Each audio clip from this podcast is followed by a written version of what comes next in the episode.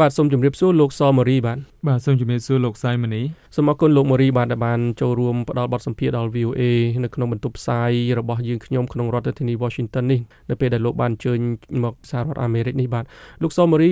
ក្នុងនាមជាអ្នកដែលធ្វើការជាមួយយុវជននៅក្នុងប្រទេសកម្ពុជានឹងលោកមើលឃើញថាតើការចូលរួមរបស់យុវជននៅក្នុងដំណើរការបោះឆ្នោត ជាពិសេសនៅក្នុងការបោះឆ្នោតជ្រើសតាំងតំណាងរាស្ត្រអាណត្តិទី6ដែលមានភាពចម្រូងចម្រាសនៅក្នុងប្រទេសកម្ពុជានេះតើយុវជនគាត់មានភាពសកម្មប៉ុណ្ណា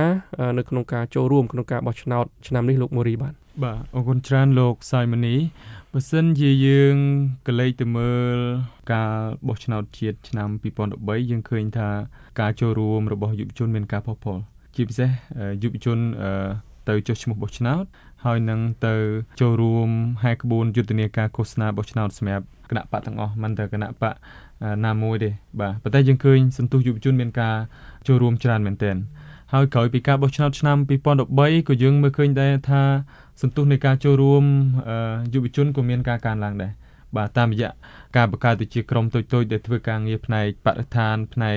មនុស្សស្ទរផ្នែកសិទ្ធិមនុស្សឯជាដើមដែលយើងមើលឃើញថានេះគឺជាចំណុចវិជ្ជមានមួយសម្រាប់ប្រទេសកម្ពុជាក៏ប៉ុន្តែយើងឃើញថាក្រោយពីឆ្នាំ2013ជាពិសេសចន្លោះឆ្នាំ2015 2016 2017នេះក៏យើងមានមើលឃើញថាការចូលរួមរបស់យុវជនគាត់ជួបបញ្ហាជាច្រើនជាពិសេសការគម្រាមកំហែងពីសំណាក់រដ្ឋាភិបាលជាពិសេសយុវជនដែលធ្វើការងារផ្នែកបរិស្ថានអីជាដើមត្រូវបានចាប់ខ្លួនគុំខ្លួនជាពិសេសយុវជន ដែលធ្វើការងារជាមួយនឹងចលនាមេដាធម្មជាតិហើយយុវជនជាច្រើន ដែលជាក្រមមិនផ្លូវការគាត់បានចុះទៅព្រៀនសហគមន៍នៅតាមខេត្តផ្សេងផ្សេងហ្នឹងក៏ត្រូវបានអាជ្ញាធរគម្រាមកំហែងហើយនឹងហាមឃាត់មិនឲ្យគាត់ធ្វើសិក្ខាសាលាជាដើមនេះជាឧបសគ្គមួយដែលពួកគាត់មិនអាចចូលរួមបានរហូតទៅដល់ឆ្នាំ2018នេះយើងឃើញថាសន្ទុះយុវជនក្នុងការចូលរួមក្នុងដំណើរការ កិច្ចការនយោបាយហើយនិងដំណើរការប្រជាធិបតេយ្យយើងឃើញមានការអបអរសាច្រើនជាពិសេសនៅការបោះឆ្នោតឃុំសង្កាត់កាលពីឆ្នាំ2017យើងឃើញថាចំនួននៃប្រជាពលរដ្ឋទៅចូលរួមបោះឆ្នោតមានច្រើនមែនទែនរហូតដល់ជាង90%ដែលជាចំនួនធំមែនទែននៅក្នុងប្រវត្តិសាស្ត្រប្រទេសកម្ពុជាដែលប្រជាពលរដ្ឋទៅចុះឈ្មោះបោះឆ្នោតនិងចូលរួមបោះឆ្នោតហើយសម្រាប់ការបោះឆ្នោតឆ្នាំ2018នេះយើងមើលឃើញថាយុវជនគាត់បានត្រៀមខ្លួនរួចរាល់ សម្រាប់ទៅបោះឆ្នោតជាពិសេសនៅពេលដែលខ្ញុំធ្វើការងារជាមួយយុវជនខ្ញុំមានឱកាសជួបពិភាក្សាមួយគាត់ច្រើនជាពិសេសនិស្សិតមហាវិទ្យាល័យខ្ញុំជួបគាត់10ទាំង10គាត់ស្ទើរតែបានចុះឈ្មោះដើម្បីចូលរួមការបោះឆ្នោតក៏ប៉ុន្តែយើងមើលឃើញថាក្រោយពីមានការរំលាយគណៈបកប្រឆាំងដ៏ធំនៅក្នុងប្រទេសកម្ពុជាគឺគណៈបកសង្គ្រោះជាតិហើយនឹងការរដ្ឋបិទដល់សេរីភាពអង្គការសង្គមស៊ីវិលការបិទសារព័ត៌មានមួយចំនួនយើងឃើញថាយុវជនគាត់មានភាពស្ទាក់ស្ទើរជាពិសេសគាត់ គិតថាការបោះឆ្នោតខែកក្កដាឆ្នាំ2018នេះនឹងមិនប្រព្រឹត្តទៅដោយសេរីនិងយុត្តិធម៌ទេយុវជនខ្លះគាត់មានការស្ទាក់ស្ទើរក្នុងការទៅចូលរួមការបោះឆ្នោតហើយយុវជនខ្លះដែលគាត់ជាអ្នកគ្រប់គ្រងគណៈបកប្រឆាំងគណៈបកសង្គ្រោះជាតិគាត់ថាគាត់អត់ទៅបោះឆ្នោតទេព្រោះគាត់មិនដឹងថាត្រូវបោះឆ្នោតឲ្យគណៈបកណាបាទហើយអ្នកខ្លះទៀតគាត់យល់ឃើញថាដោយសារតែស្ថានភាពនយោបាយมันបានផ្ដល់ឱកាសឲ្យមានការចូលរួមប្រកួតប្រជែងដោយសេរី ពីគ្រប់ភាគីពីគ្រប់គណៈបកនយោបាយទាំងអស់អញ្ចឹងគាត់សម្រេចចិត្តថាអត់ទៅបោះឆ្នោតទេបាទនេះជាជាបញ្ហាមួយបាទ បាទលោកលើកឡើងហើយថាការបោះឆ្នោតគុំសង្កាត់ឆ្នាំ2017ហ្នឹងហាក់ដូចជាមានភាពសស័កសស្រាំពីចំណោមពលរដ្ឋរួមទាំងយុវជនដែលបានចូលរួមមិនត្រឹមតែចុះឈ្មោះទេគឺទៅបោះឆ្នោតថែមទៀតប៉ុន្តែដោយសារតែបញ្ហាចម្រូងចម្រាសឆ្នាំនេះតាក់ទងទៅនឹងការរំលាយគណៈបកសង្គ្រោះជាតិធ្វើឲ្យមានប៉ូល2ដែលផ្ទុយគ្នាមកខាង គឺគណៈបកសង្គ្រោះជាតិនោះអំពាវនាវពលរដ្ឋកុំឲ្យទៅបោះឆ្នោត ហើយគណៈបកកណ្ដាលអំណាចនឹងបែរជាពីវនីឲ្យពលរដ្ឋនាំគ្នាទៅបោះឆ្នោតវិញដោយសារតែលោកធ្វើការងារជាមួយយុវជនច្រើនលោកបានបញ្ជាក់ពីខាងដើមថាអាចមានយុវជនមួយចំនួនគាត់គិតថាគាត់មិនទៅបោះឆ្នោតដោយសារគាត់យល់ថាការបោះឆ្នោតនេះមិនត្រឹមត្រូវនិងមិនយុត្តិធម៌ប៉ុន្តែយើងអាចនិយាយបានទេថាតាមអ្វីដែលលោកបាន ប្រស្រ័យតាក់ទងជាមួយយុវជនតើយុវជនគាត់ សម្រេចចិត្តយ៉ាងម៉េចក្នុងស្ថានភាពបែបហ្នឹងនៅពេលដែលម្ខាងថាការបោះឆ្នោតហ្នឹងមិនត្រឹមត្រូវមិនយុត្តិធម៌ណាជាការប្រកួតប្រជែងមិនស្មើភាពម្ខាងទៀតថាជាការប្រកួតប្រជែងដែលស្មើភាពហើយមានគណៈបកជាច្រើនបានចូលរួមទៅហើយអញ្ចឹងក្នុងនាមជាយុវជនហ្នឹងតើពួកគាត់ត្រូវធ្វើយ៉ាងម៉េចបាទអឺសម្រាប់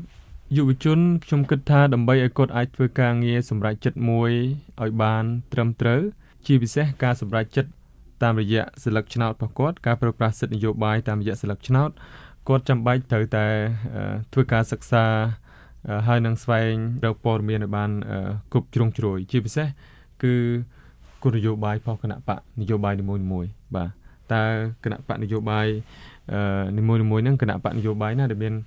គោលនយោបាយល្អក្នុងការដោះស្រាយបញ្ហាជាតិដោះស្រាយបញ្ហាយុវជនហើយការសម្រេចចិត្តគូសស្លឹកឆ្នោតជាសិទ្ធិរបស់គាត់បាទអត់មានអ្នកណាអាចទៅបង្ខំគាត់បានណាក៏ប៉ុន្តែចំណុចមួយដែលយើងត្រូវគិតនៅក្នុងរដ្ឋធម្មនុញ្ញនៃប្រជាណាចក្រកម្ពុជា ជាពិសេសនៅក្នុងកិច្ចព្រមព្រៀងសន្តិភាពទីក្រុងប៉ារីស 23ដុល្លារឆ្នាំ1991បាននិយាយច្បាស់ថាប្រទេសកម្ពុជាត្រូវតែរៀបចំការបោះឆ្នោតមួយដោយសេរីនិងយុត្តិធម៌មានការចូលរួមប្រកួតប្រជែងពីគ្រប់គណៈបកនយោបាយនេះទើបជាការបោះឆ្នោតមួយដែលយើងអាចទទួលយកបានក៏ប៉ុន្តែនៅក្នុងបរិបទបច្ចុប្បន្នយើងឃើញថាទោះបីមានគណៈបកចូលរួមប្រកួតប្រជែងច្រើនក៏ដោយប៉ុន្តែ យើងឃើញថាបច្ចុប្បន្នអវត្តមានគណៈបកសង្គ្រោះជាតិដែលជាគណៈបកដែលមានអ្នកគ្រប់គ្រងច្រើនបាក់ផែនឹងគណៈបកប្រជាជនដែរគាត់មិនអាចមានឱកាសក្នុងការចូលរួមប្រកួតប្រជែងក្នុងការបោះឆ្នោតអញ្ចឹងយើងឃើញថាដើម្បីឲ្យយើងអាចសម្រេចចិត្តបានត្រឹមត្រូវនៅក្នុងការចូលរួមការបោះឆ្នោតយើងត្រូវមើលពីទី1គោលនយោបាយរបស់គណៈបកនយោបាយទី2ទស្សនវិជ្ជាច្បាប់នៅក្នុងប្រទេសកម្ពុជា ហើយនឹងតើការបោះឆ្នោតហ្នឹងវាប្រព្រឹត្តទៅតាមគោលការណ៍ លទ្ធិប្រជាធិបតេយ្យសេរីពហុបកហើយប្រព្រឹត្តទៅដោយត្រឹមត្រូវនឹងយុត្តិធម៌ឬអត់ខ្ញុំអត់ហ៊ាននិយាយថាប្រជាពលរដ្ឋគួរតែពហិការឬក៏ប្រជាពលរដ្ឋត្រូវតែចូលរួមទេនេះជាសិទ្ធិស្វ័យសម្រេចរបស់ប្រជាពលរដ្ឋម្នាក់ម្នាក់ប៉ុន្តែប្រជាពលរដ្ឋគាត់អាចមានសិទ្ធិក្នុងការធ្វើការពិចារណាហើយសម្រេចដោយខ្លួនឯងថាតើគាត់គួរទៅចូលរួមបោះឆ្នោតឬក៏មិនទៅចូលរួមបោះឆ្នោតបាទបាទប៉ុន្តែអង្គការសង្គមស៊ីវិលនៅក្នុងប្រទេសកម្ពុជានឹងអាចមានលទ្ធភាពធ្វើការស្ទង់មតិអីដើម្បីឲ្យដឹងថា តើពលរដ្ឋប្រមាណភាគរយណាជាពិសេសយុវជនហ្នឹងគាត់នឹងសម្រេចចិត្តថាទៅចូលរួមឬក៏មិនចូលរួមបោះឆ្នោតអីទេតាមដែលលោកមូរីអាចជម្រាបបានមកដល់ឥឡូវនេះខ្ញុំអត់ទាន់បានទទួលព័ត៌មាននៅឡើយទេថាប្រជាពលរដ្ឋប្រមាណអ្នកយុវជនប្រមាណអ្នកដែលគាត់នឹងសម្រេចទៅបោះឆ្នោតហើយនឹងសម្រេចថានឹងមិនទៅបោះឆ្នោតព្រោះយើងឃើញថាអង្គការដែលធ្លាប់ធ្វើការងារសិក្សាស្រាវជ្រាវផ្នែក ការបោះឆ្នោតដូចជាអង្គការ NDI ជាដើមត្រូវបានបិទទ្វារហើយអង្គការ IOI ដូចជាខ្ញុំអត់ទទួលបានព័ត៌មានទេហើយអង្គការ Conference ធ្លាប់តែសកម្មក្នុងការបោះឆ្នោតហ្នឹងក៏មានការចោទប្រកាន់ច្រើនដែរថ្មីថ្មីនេះចឹងហើយខ្ញុំអត់ទាន់បានទទួលព័ត៌មានឬក៏របាយការណ៍ដែលបានសិក្សាអំពីមតិរបស់ប្រជាពលរដ្ឋថាគាត់នឹងទៅចូលរួមឬមិនទៅចូលរួមការបោះឆ្នោតនៅខែកក្កដាឆ្នាំ2018ខាងមុខនេះទេបាទ បាទសូមអរគុណលោកម៉ូរីបាទចំពោះពេលវេលានៅក្នុងការផ្ដល់បទសម្ភាសន៍ដល់ VOA នៅពេលនេះសូមអរគុណនិងសូមជម្រាបលាបាទបាទសូមអរគុណលោកសៃមនី